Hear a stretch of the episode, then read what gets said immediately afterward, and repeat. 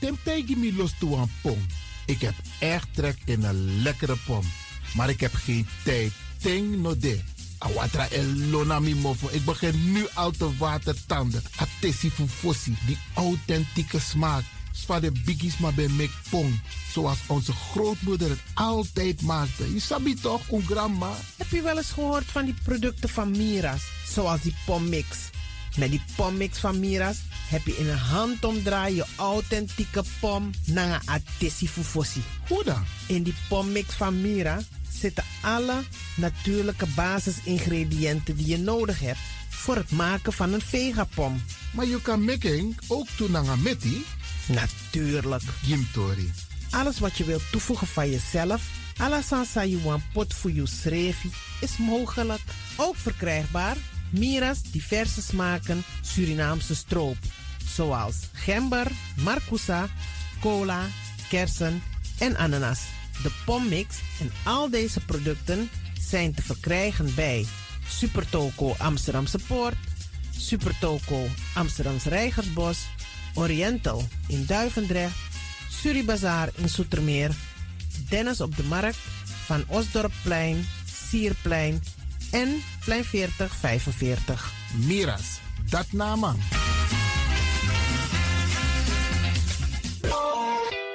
Is all you need. And when the time comes, we'll all come back stronger than ever. Together. De wereld is drastisch veranderd.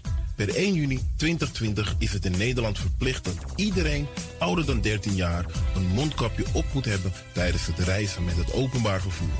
In de trein, in de metro, in de bus, in de tram, op de veerpont en met het aanvullend openbaar vervoer. Zonder mondkapje wordt men verzocht uit te stappen en riskeert men een boete van 95 euro. Bent u al voorbereid op deze nieuwe maatregel? Bent u al in het bezit van mondkapjes? Mondkapje Benelux biedt u kwalitatief goede mondkapjes voor een redelijke prijs.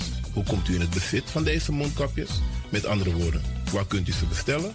Dat kan via www.mondkapjebenelux.nl. Ook te bestellen via Facebook op Mondkapje Benelux.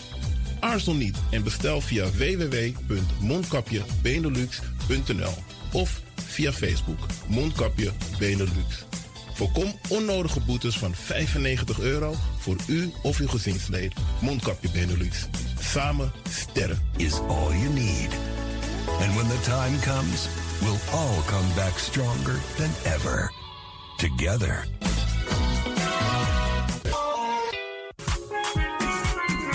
Mijn naam, je weet wel. Kom maar binnen.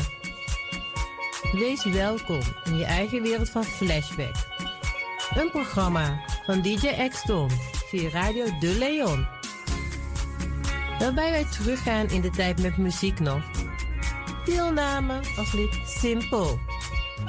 Schrijf je gewoon in en doe mee.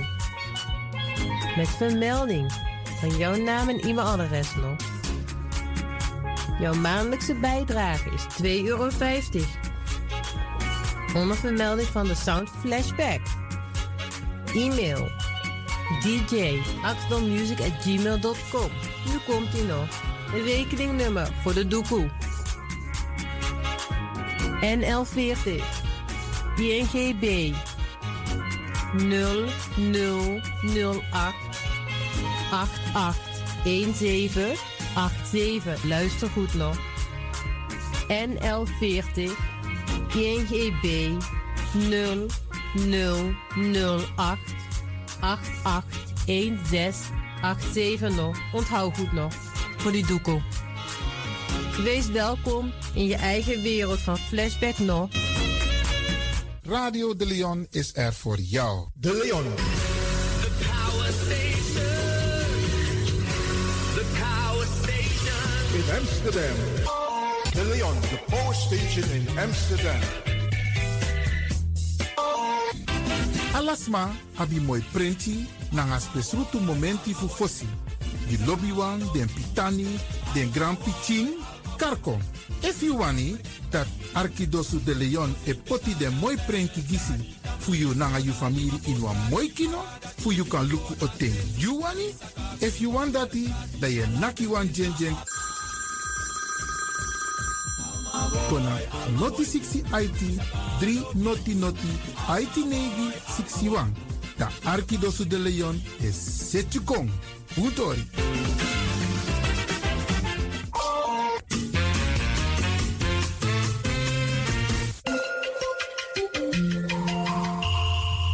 Je luistert naar Caribbean FM, de stem van Caribisch Amsterdam. Via kabel salto.nl en 107.9 FM in de ether.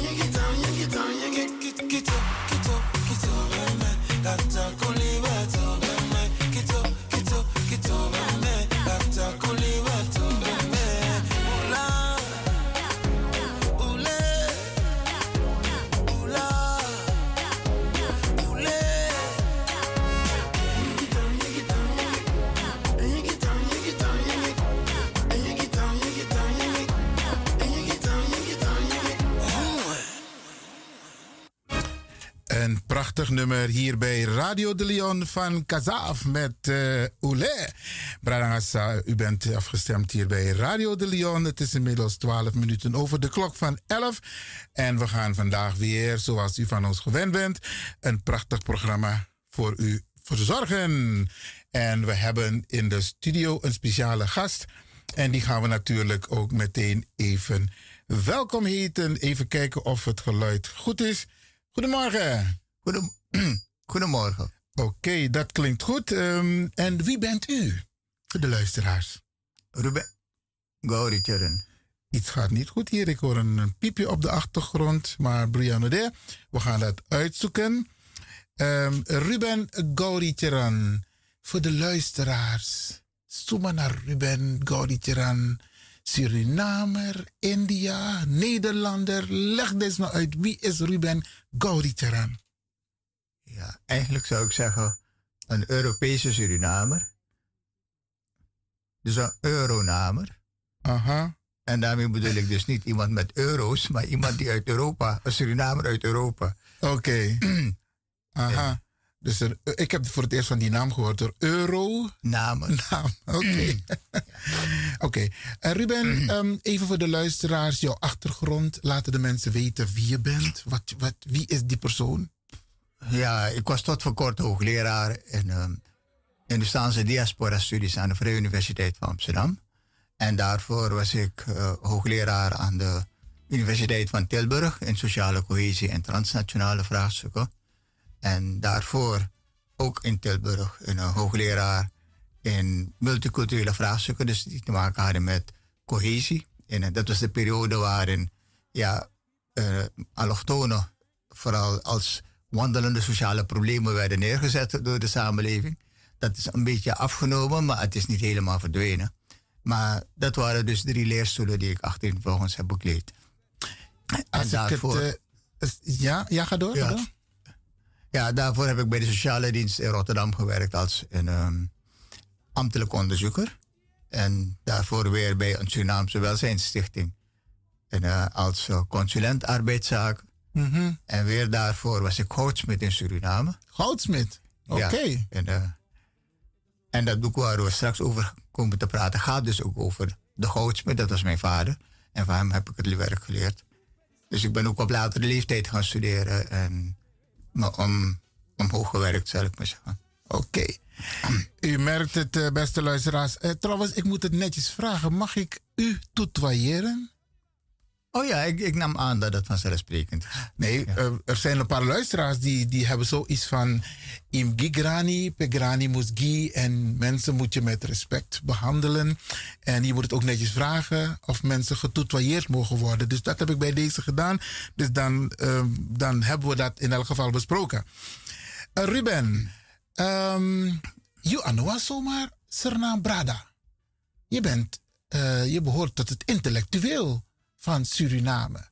Als ik zo even naar jou luister. Nou, mensen plaatsen me zo omdat ik professor ben geweest. En, uh, en ik heb nog steeds wel een aanstelling aan de universiteit. Maar ik heb mezelf nooit zo gezien. En uh, ik, heb, ik heb dingen gedaan die ik vond dat ik moest doen.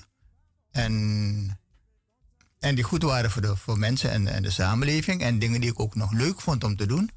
Maar om jezelf intellectueel te gaan noemen, ik vind dat een beetje dik. Nee, jij hoeft dat niet te noemen, maar als wij zo naar jou luisteren, Mhm. wat je allemaal hebt gedaan, wat je nu nog doet, dan behoor jij sowieso tot het intellectueel. Dat, dat, dat hoef jij niet te zeggen, maar dat is zo. De feiten zijn daar. En Brianne, de, het is, het is, jij hoeft het niet te zeggen, maar ik, ik, ik zeg dat wel als programmamaker hier bij Radio de Leon. En ik moet je eerlijk zeggen, ik vind het altijd goed en ik voel me trots te Mhm. meijeren en me naar Brada.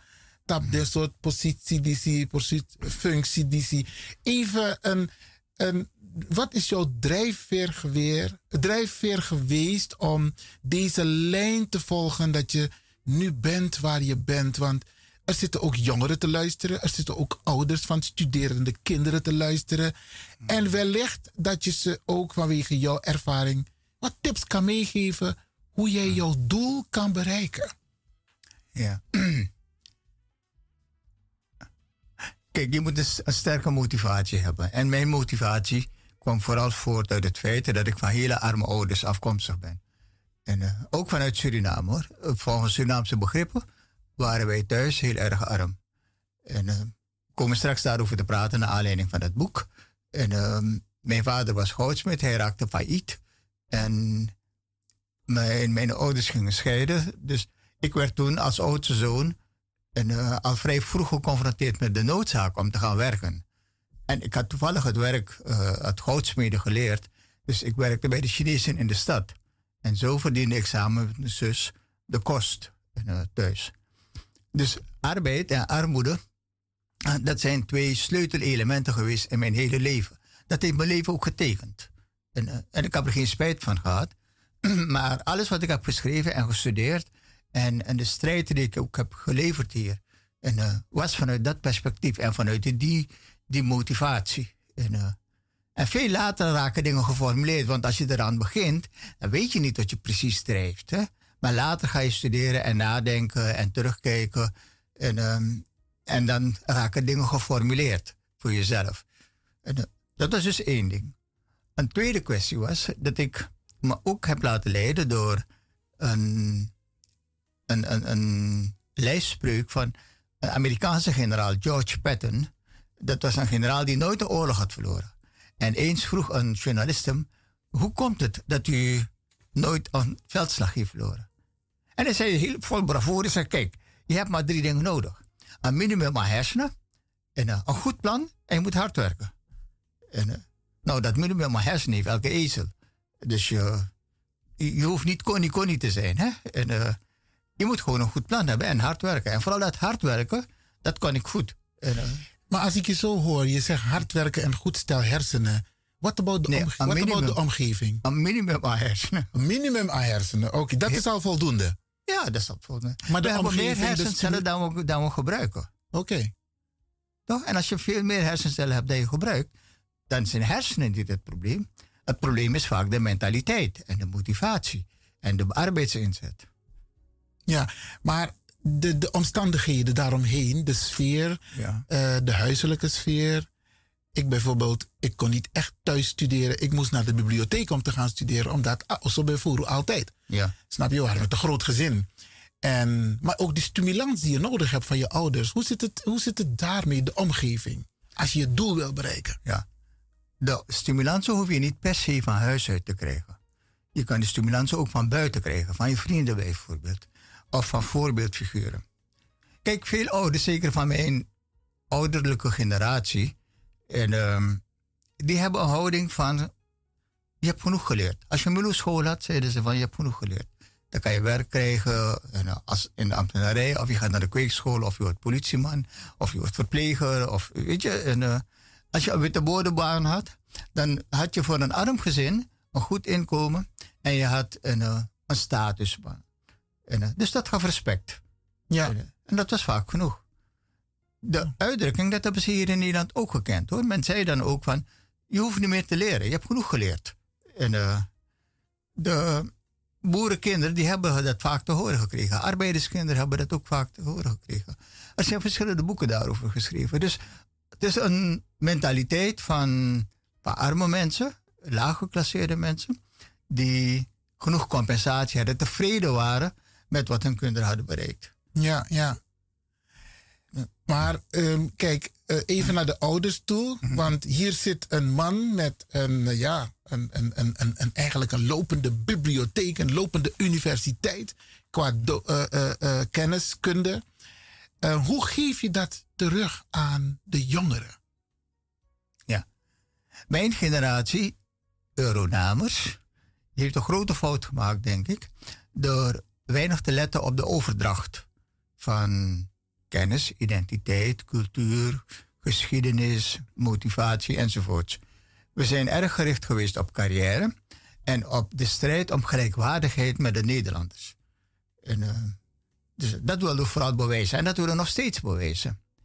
Maar om je een voorbeeld te geven waar het misgaat.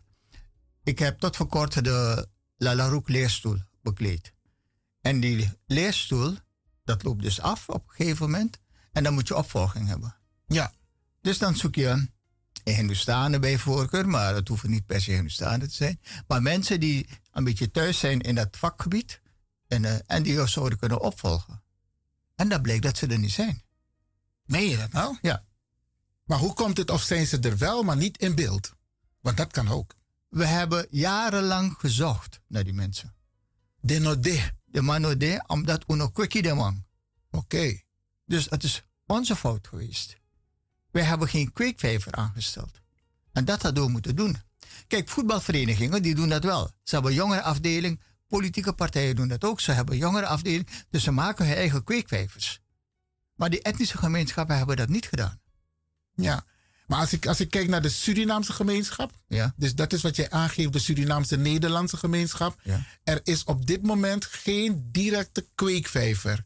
Er is geen kweekvijver. Om op een hoger niveau te kunnen functioneren, het niveau waarop jij op dit moment functioneert. Ja, ik heb het geprobeerd. In 2005 heb ik een organisatie opgericht, dat heette de Promotiekamer. En allochtonen, die, dus academici die in de praktijk heel veel kennis hebben opgedaan, die wilden promoveren, die bijgeschoold moesten worden. En uh, die heb ik dan daarin verzameld.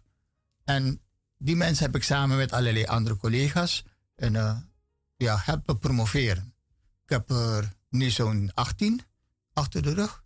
En zij worden dan rolmodellen weer in hun eigen gemeenschap. Het zijn ook vooral jongere mensen. Ja. Maar het was de enige poging waarvan ik op de hoogte ben. En, um, om jongere kaders, dus om, om kennis en overdracht en ook motivatie over te dragen.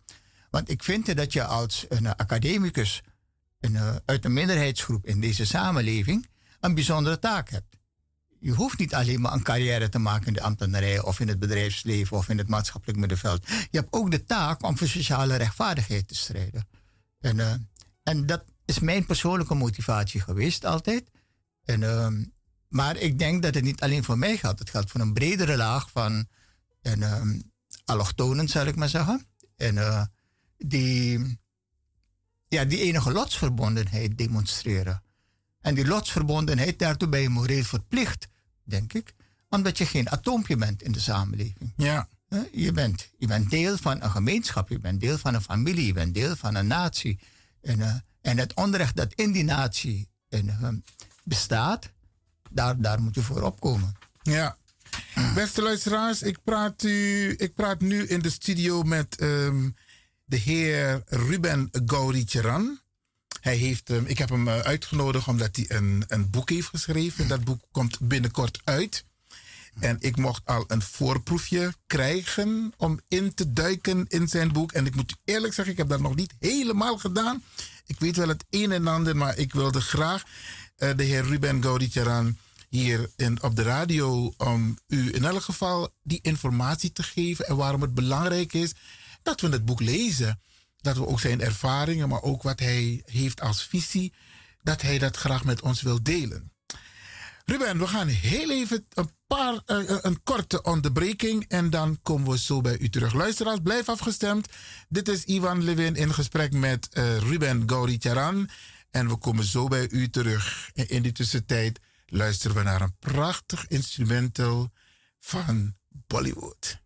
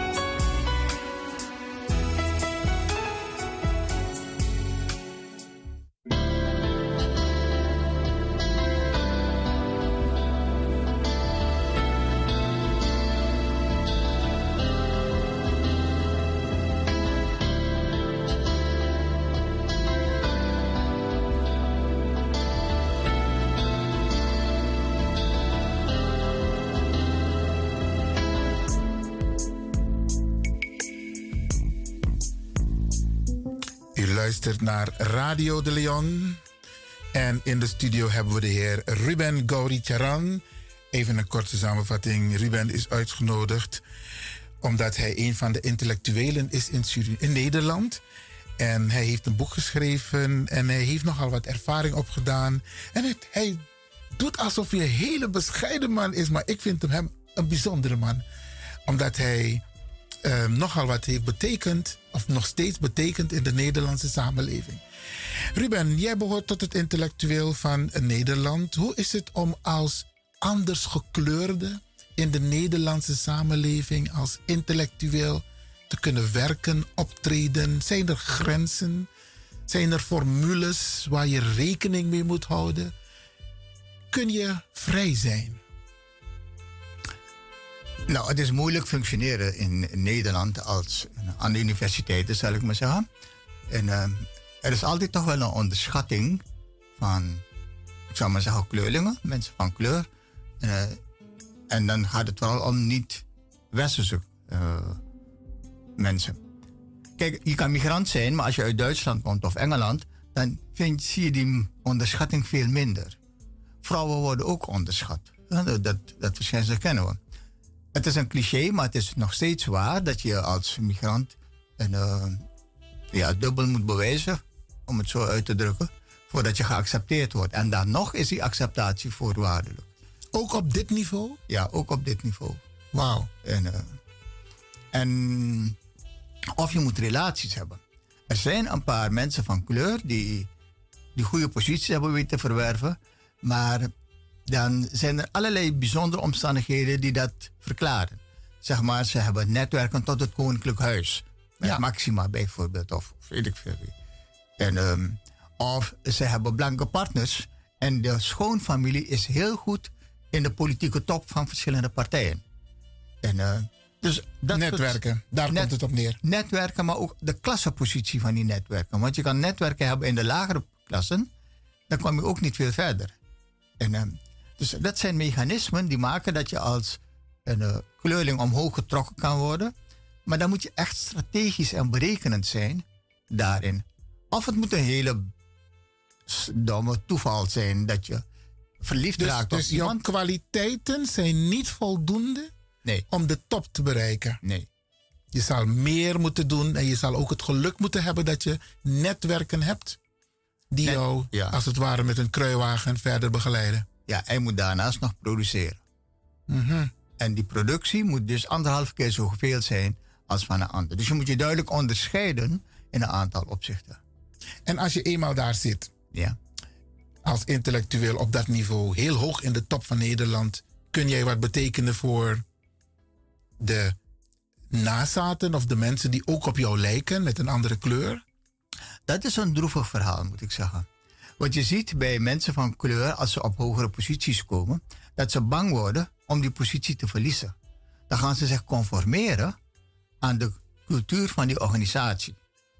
En, ehm, dus ik spreek van witgewassen allochtonen.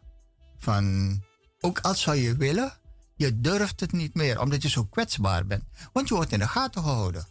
En eh, je kan je dus niet te veel bokkensprongen permitteren. In Amerika hebben ze, dit on- hebben ze vaker dit type onderzoek gedaan.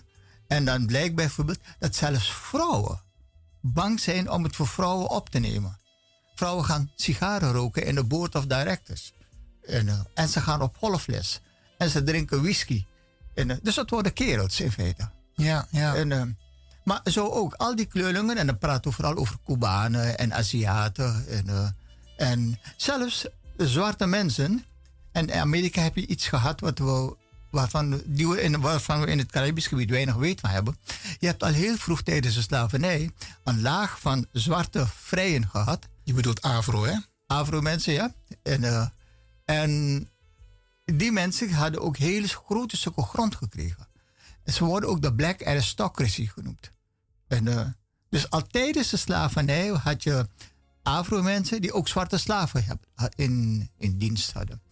Dat waren de eerste rijke Afro's.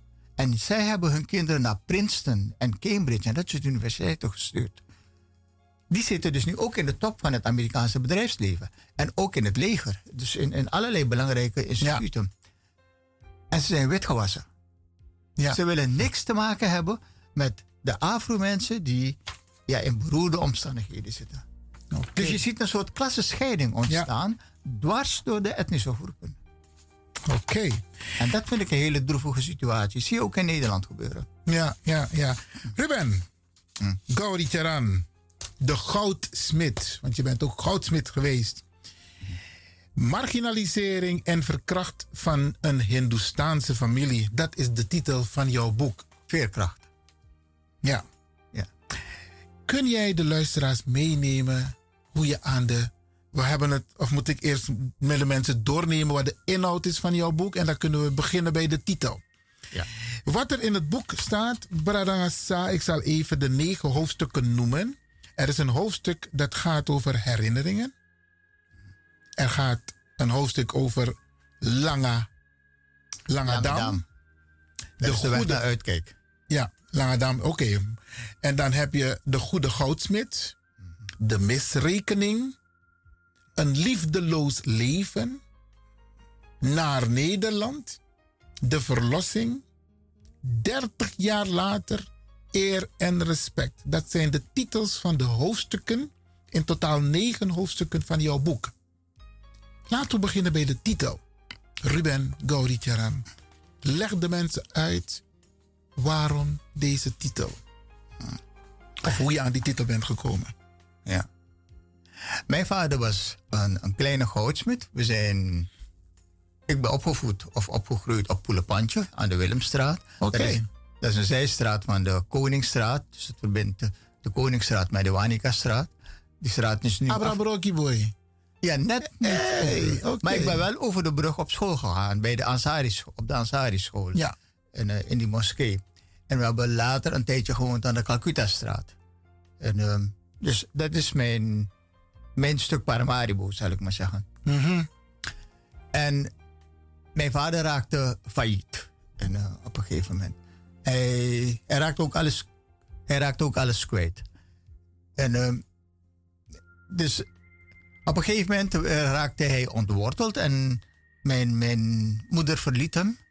Dus hij, hij raakte ook dakloos. Zo, dat is heavy. Ja, het was ook voor Surinaamse begrippen een hele nare geschiedenis. Maar tegelijkertijd zag je dat die, die Willemstraat en, die, en dat Poelepantje gebied, dat was een heel een eh, etnisch gemengde gebied. En juist die etnische menging zorgde voor een enorme veerkracht, waar mijn moeder ook op terug kon vallen, met haar vijf kinderen. En, eh, dus dat was één belangrijk ding. Dus je ziet dan dat er een marginalisering plaatsvindt. we raken failliet, maar je veert op voor een, belangrijk, voor een deel door het netwerk van de buurt, maar voor een ander deel ook door persoonlijke eigenschappen. En de belangrijkste persoonlijke eigenschappen van mijn vader, dat waren zijn werkdrift. Dat heb ik van hem overgenomen. Ik werkte al vanaf mijn zevende jaar bij hem in de zaak. Zo? En eh, ja, dat stel je, kan, je, kan je nu moeilijk voorstellen. Want toen mijn kinderen zeven jaar waren, realiseerde ik me, zeg, was ik zo jong. Toen ik begon met kettingen rijgen voor hem. Hè, en dus meehelpen na school. En ik kon het me niet voorstellen. Maar je gaat je ook realiseren dat veel kinderen op die leeftijd in de winkels bijvoorbeeld hun ouders helpen. Of in de landbouw hun ouders helpen. Hè? Koeien laten grazen enzovoort. Dus wat we nu kinderarbeid noemen, was toen heel gewoon. En eh, zeker in het ambachtsleven. En ehm, nou, je veert er dus op een gegeven moment op. En o- een geluk bij ongeluk was dat ik het werk had geleerd.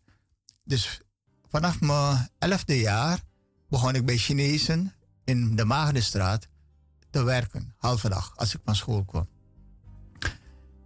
Dit boek gaat dus over dat proces van, een, ehm, van neergang en een beetje opveren, want hij is niet helemaal opgeveerd. En aan het eind van zijn leven heeft hij dus een, eh, de hand aan zichzelf geslagen. En dat zijn allemaal taboe onderwerpen. Kijk, wat je ziet bij Hindustan is dat ze heel graag een boekje schrijven over hun familie, maar dan is het een heldenverhaal. En eh, van, kijk eens, wij waren vroeger contractarbeiders en nu hebben we vijf titels bijvoorbeeld. Of nu zijn we rijk geworden. En, eh, Ja. Het is dat verhaal, een blijde boodschap. Maar hoeveel Hindustaanse families kennen geen mensen die verslaafd zijn aan alcohol? Of waar er veel huiselijk geweld plaatsvindt? Of waar er ja, zelfdoding plaatsvindt. Of weet ik veel wat. Het is geen. Het verhaal van mijn ouders is geen uniek verhaal. Het is bijna representatief voor brede lagen in de Hindustaanse gemeenschap. En waarschijnlijk ook bij de etnisch, andere etnische groepen. Maar heb je, is het, is bedoel je dat het nu nog op die manier plaatsvindt? Of is de tijd ook veranderd? Dit, want jij schrijft, het is een boek over de afgelopen 30 jaar. Hm.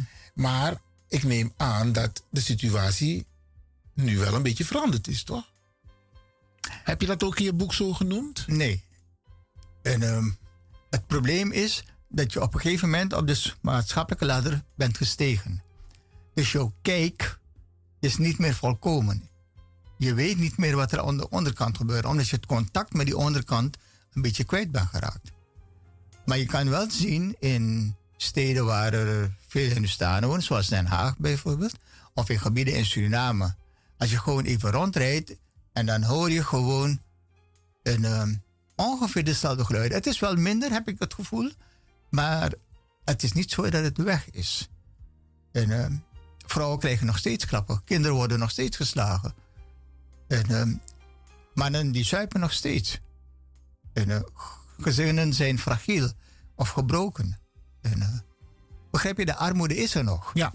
Armoede in de brede betekenis van het woord. Met dat alle benoem- ellende. Ja, ja, ja, en dat benoem je allemaal ook in dit boek. Ja. Oké, ga door, want ik, ik, ik denk dat het... eh, je moet trouwens niet alles vertellen, want moet, de mensen moeten het boek gaan lezen, hè?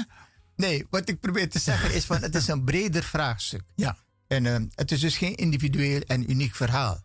En omdat het een breder vraagstuk is en omdat het tegen die blijde boodschap ingaat, die Hindustanen heel graag over zichzelf vertellen.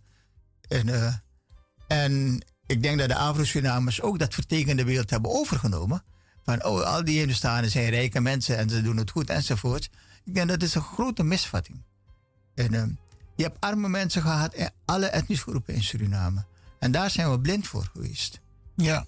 En, eh, de Hindustanen die denken nog steeds in termen van... wij zijn met de Lalaroek naar Suriname gekomen... en plotseling waren we welvarende burgers van Suriname in Paramaribo. Zoals ook de Afro-Surinamers denken... oh, wij zijn als slaven in Suriname gekomen... en nu plotseling zijn we machthebbers geworden in Suriname. Ik zeg, weet je wat voor grote sprong je in die geschiedenis maakt? Van slavernij naar nu. Ja. En ehm, er zijn generaties en, eh, Afro-Surinaamse mannen geweest die in de bosbouw, in de landbouw, in de, in de goudwinning, generaties lang zijn vergaan, anoniem zijn vergaan. En waarover? En niemand is daarin geïnteresseerd. Iedereen praat over slavernij. Ja. Er zijn offers gebracht. Er zijn ontzettend veel offers gebracht en we hebben dat niet genoeg in beeld. Dus daar denk ik is er veel werk nog te doen. En eh, ik heb dat geprobeerd ook te doen, te vullen, dat gat te vullen voor Hindustanen. Door vorig jaar een boek te publiceren over Hindustaanse boeren. Want ook daar zijn de generaties eh, anoniem vergaan in, in die landbouw. En dat heet ook miskend verleden.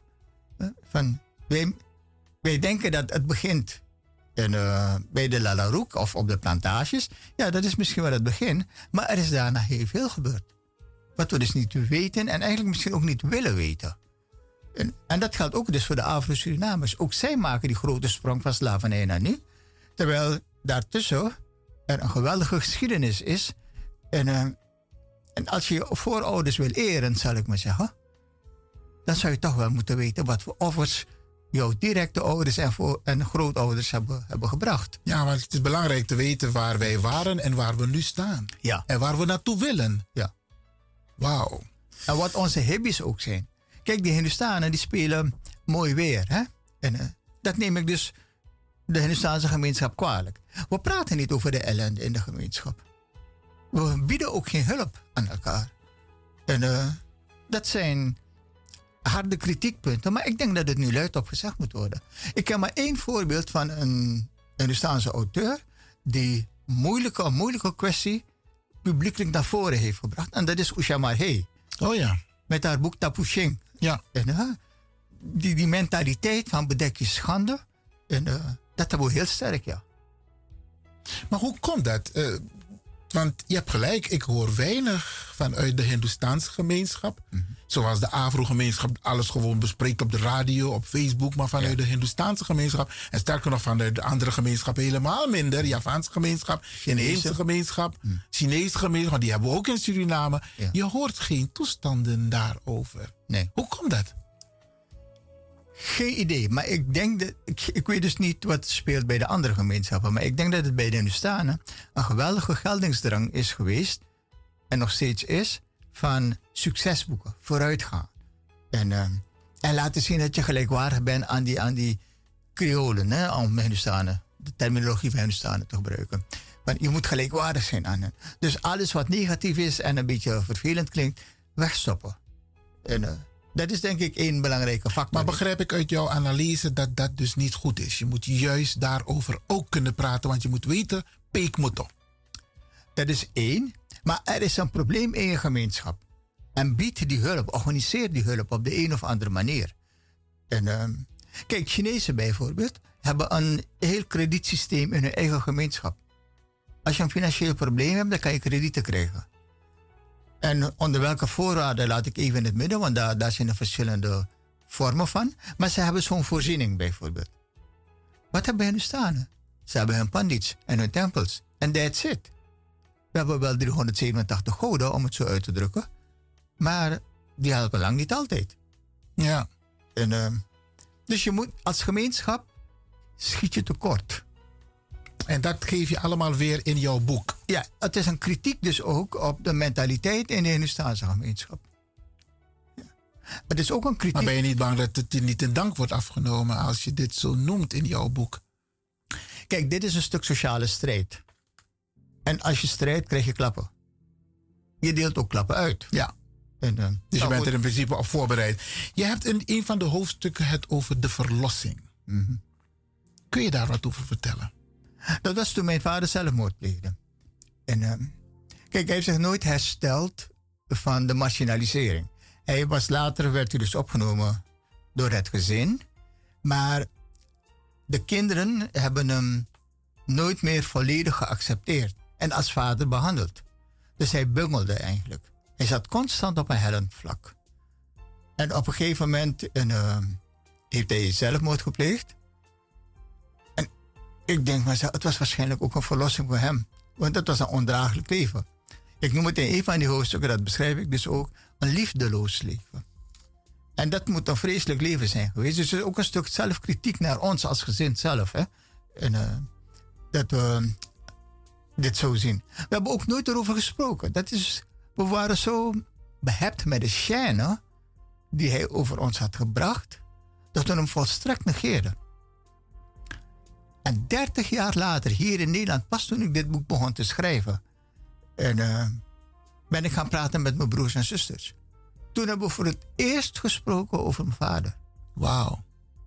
30 jaar later. Begrijp je wat dat betekent? Dat, dan denk ik van zeg, ja, maar dit is iets heel bijzonders.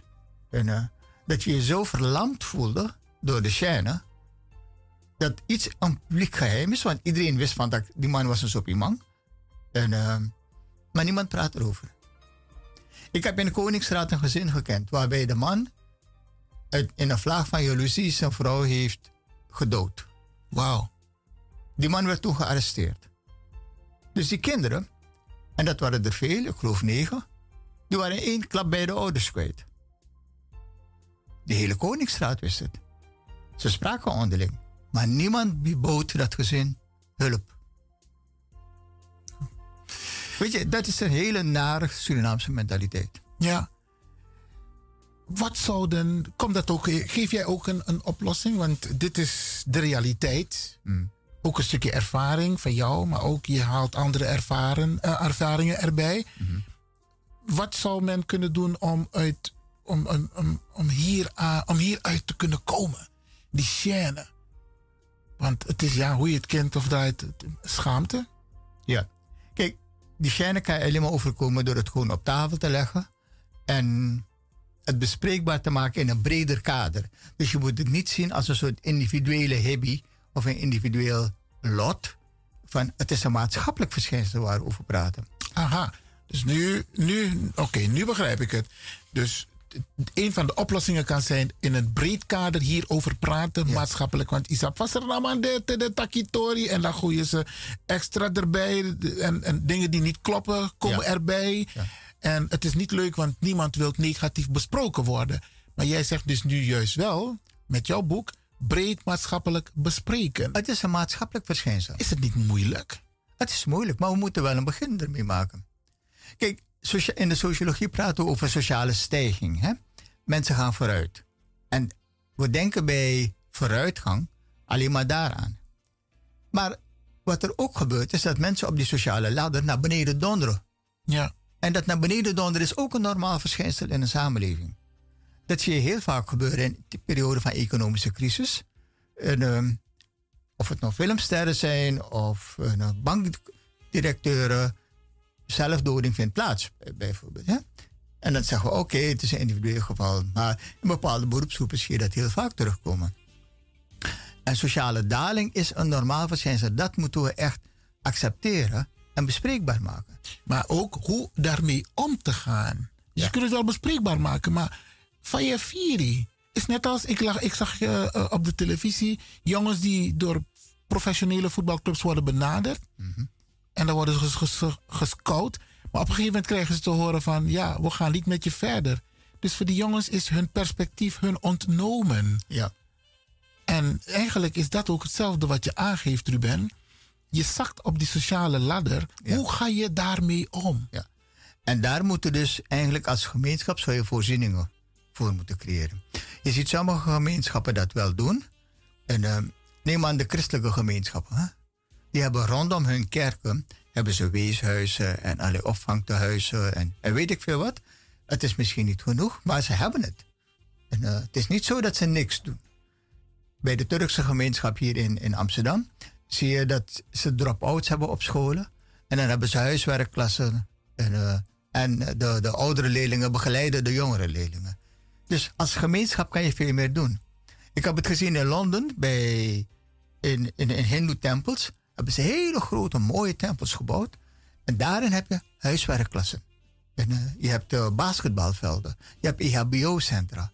Je hebt uh, psychische hulp. En het is zo'n multifunctionele tempel. Maar dan zie je een gemeenschap in actie komen. Erkennende dat er problemen zijn in die gemeenschap. En dat, dat dit ding, dus dit grote gebouw, een, een centrum is waar, waar je behoeftige mensen opvangt. En weet je hoe ze die tempel hebben gebouwd? Door kinderen blikjes uh, van bier en kolen en zo te laten verzamelen. En voor elk blikje kregen ze één pond. En, en ze hebben de, dat hout, het is een houtwerk geweest, hebben ze gratis gekregen van mensen in India en Sri Lanka. Ja. Het zijn Zuid-Indiërs die dat hebben gebouwd. Nou, en dan zeg je, oké, daar zie je een community in actie komen. En er zijn meer van deze sterke communities. De Joodse gemeenschap bijvoorbeeld is ook sterk in dit soort zaken. Dus we hebben goede voorbeelden, zal ik maar zeggen. Maar wij Surinamers doen dat niet. Ja, ik vraag me ook af hoe dat komt. Want weet je, bij mijn moeder in de straat was er eerst de vader die zelfmoord had gepleegd. Mm. Daarna de dochter, daarna de zoon. Die moeder was helemaal van de kaart. Ja. Dat je in één keer je heel gezin verliest. En het lijkt alsof dat de uitweg is. Hmm. Heel gevoelig. Ja. ja. En hoe voer je dan als moeder een breed maatschappelijk debat hierover? Het, het, ik, ik weet het niet hoor, maar ik luister wel naar je. Ja. En het klinkt misschien als de oplossing om er bovenop te komen, om eruit te komen. Maar ik denk dat het hartstikke moeilijk is hoor. Het is moeilijk en die moeder gaat het niet alleen kunnen. Dus er zullen andere mensen moeten zijn die het voortouw nemen.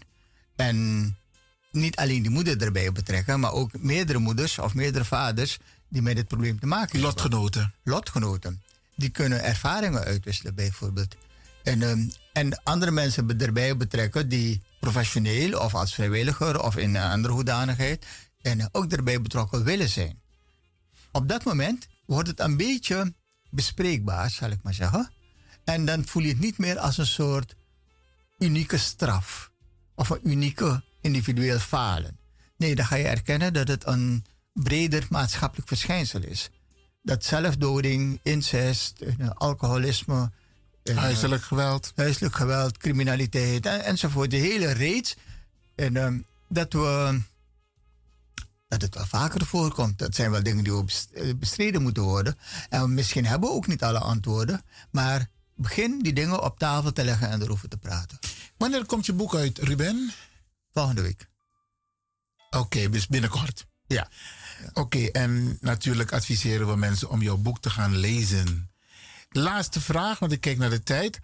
Um, nou geef jij heel veel mee in jouw boek als het gaat om wat er daadwerkelijk is gebeurd. Mhm. Maar geef jij ook perspectieven mee in jouw boek? In de zin van oplossingsgericht, los van die discussie die we net hadden over maatschappelijk breed praten, over die, uh, die verlossing. Ja. Nee, ik heb geen perspectieven in, uh, aangedragen, omdat het zou lijken alsof het een analyse is van een maatschappelijk probleem. Het is in de eerste plaats een familiegeschiedenis, waarbij ik het opneem van mijn vader. En ehm, kijk, hij heeft eigenschappen gehad die ik ook heb meegekregen van hem. En dankzij die eigenschappen ben ik geworden wat ik ben geworden. En ehm, die kant van het verhaal wordt niet verteld. En dan gaat het om arbeidsvlijt bijvoorbeeld. Als goudsmid moet je, moet je hard kunnen werken. Je moet een concreet product op tafel leggen. En uh, je moet poetsen en polijsten totdat het glimt. En als de klant het over heeft genomen, dan ben je klaar ermee. En uh, die mentaliteit heb ik ook, merk ik. Product, Product afleveren. Productgericht, ja. Zeg maar resultaatgericht. Ja, zeer resultaatgericht. En mijn promovendi hebben daar last van gehad. Want ik wilde altijd een concrete tekst zien. Ik wilde geen lang geohoer verhaal hebben. En ik wil je dingen uitleggen en ik wil je uh, sturen in een bepaalde richting. Maar uiteindelijk beoordeel ik je aan de hand van je tekst. ja dat alleen telt in de academische wereld. Nou. Heb je nog iets, Ruben, um, wat je de luisteraars wil meegeven? Uh, meestal schieten de beste ideeën door mijn hoofd als ik onderweg ben naar huis. En, uh, maar... Zie het, als, zie het op dit moment alsof je onderweg bent naar huis. ja. Maar ik denk dat we uh, ons moeten ontdoen van de chaîne maar ook van de glamour. Of van de glamour van kijk mij eens en ik sta boven de mensen. En die, die arrogantie. Die arrogantie, maar ook dat kloppen op je borst. Mhm. van, kijk eens, ik heb het gemaakt. Ja, ja. Terwijl er daartussen heel veel is gebeurd. Terwijl daarvoor, ja. En je weet nooit of je het alleen hebt gemaakt. Want er is, andere mensen hebben wel een prijs betaald. Ik heb daarover twee jaar geleden een roman geschreven. Dat heet De Prijs van Geluk. En uh, waarin ik beschrijf hoe geslaagde kinderen in, uh, uit een Hindustaanse familie, en, ja, weliswaar geslaagd zijn, maar er zijn zoveel andere mensen die ook een steentje hebben bijgedragen en een prijs hebben betaald. Nou, je bent dus nooit een individu alleen. Hè? Natuurlijk spelen individuele eigenschappen een rol, maar met die individuele eigenschappen alleen kom je er niet. Ja. En, uh, en die kant van het verhaal, ik noem het de keerzijde van integratie, en uh, dat wordt niet besproken. Het wordt ook niet gedefinieerd van welke offers bijvoorbeeld je ouders hebben gebracht om je te brengen tot wat je bent. Ik ken ook gevallen waarbij um, de twee pinteren uit het gezin werden um, zodanig gestimuleerd om verder te studeren. En de ja. anderen die moesten gewoon blijven werken ja. op de landbouwgronden, zodat de twee overige pintere broers, zussen verder konden studeren. En dat is ook ontbering. Dat is een offer wat jullie hebben ja. gebracht. Ja. En dat offer, dat soort offers, worden niet gedefinieerd. Oké. Laat staan besproken. Begrijp je hoe onrechtvaardig dat verhaal is? De balans, dus de eer en de, en en de, en de waardering gaat naar de kinderen die het Gemaakt resultaat hebben. hebben gehaald. Ja. Maar mensen die dus de offers hebben gebracht, die dit hebben mogelijk gemaakt, die mensen worden niet eens genoemd. En daar zou verandering in moeten komen. We moeten dus dat blikveld breder trekken en niet alleen maar kijken naar die sterretjes aan de hemel, maar ook kijken naar die kometen die die sterretjes hebben voortgebracht. Ruben, interessant om met jou te praten hier, hier bij Radio de Leon. En ik denk dat we dit programma gaan herhalen. Ik ga je bedanken en heel veel succes wensen. Ik heb het boek, um, ik mocht een, een voorproefje krijgen. En ik ga het zeker lezen. En wellicht dat we je nog een keer uitnodigen. Want ik denk dat er een vervolg komt. Met eventuele oplossingen, perspectieven. Ik ga niet zeggen wat je moet doen, dat weet je zelf. Maar ik denk dat de mensen daar behoefte naar zullen hebben. Als ze dit boek hebben gelezen van jee, het is inderdaad herkenbaar. Mi mati, isabi, mi, mi, mi brada, mi familie, het is voorgekomen. Mhm. Grantangi. Ja, graag gedaan. Oké, beste luisteraars, dit was dus een interview, een vraaggesprek met eh, de heer Ruben Gaudi Charan over zijn boek die binnenkort uitkomt.